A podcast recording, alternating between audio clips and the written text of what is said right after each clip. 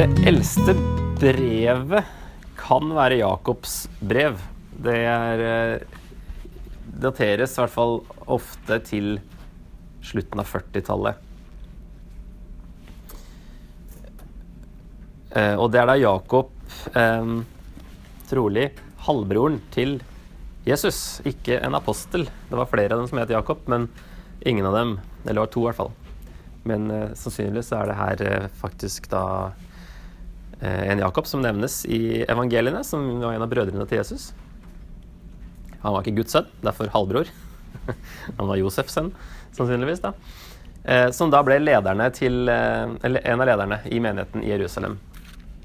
Han åpner jo med å skrive, si at han skriver til de tolv stammene de tolv stammer som er spredt omkring i fremmede land. Det høres ut både der og i, i selve brevet at han skriver til, til, jøder, først og fremst. Sjanger er sånn visdomslitteratur, egentlig. Det, liksom, det, høres ikke ut som sånn typisk som Paulus brev.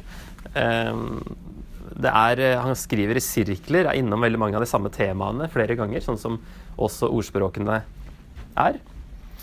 Uh, og han henter også mye fra Jesus og bergprekenen spesielt.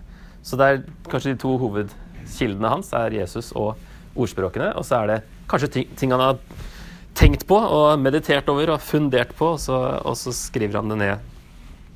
Um, så det er veldig sånn Her kan man liksom grunne veldig på det han skriver.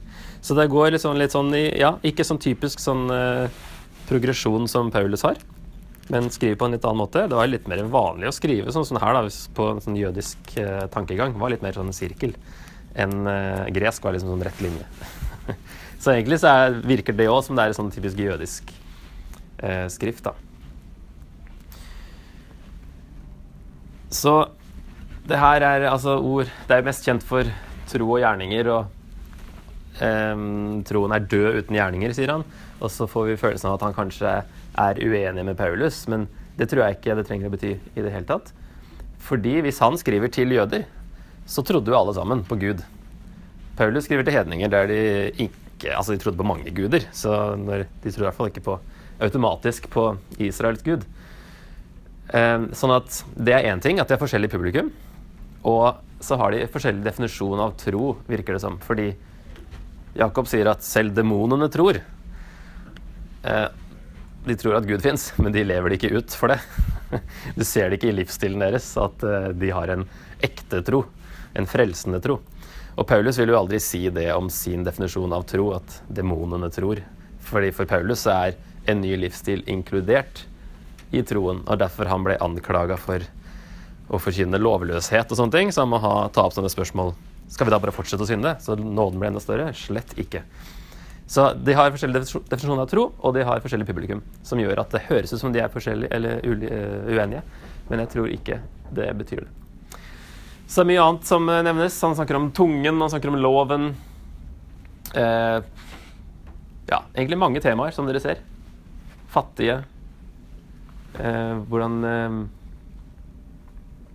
Hvordan de skal um, ikke gjøre forskjell på folk, osv. Så, videre. så et interessant brev som Det heter jo disse Jakob og Peter og Johannes og Judas, de kalles ofte de generelle brevene, fordi de er på en måte litt mer generelle enn Paulus sine brev. Som er liksom veldig spesifikt til én menighet, men som da også ble sirkulert siden. Men her virker det som at han har skrevet i utgangspunktet til mange, da. Hvis det var de tolv stammer som var spredt omkring, så er det ganske generelt. Ikke én liten gruppe et eller annet sted.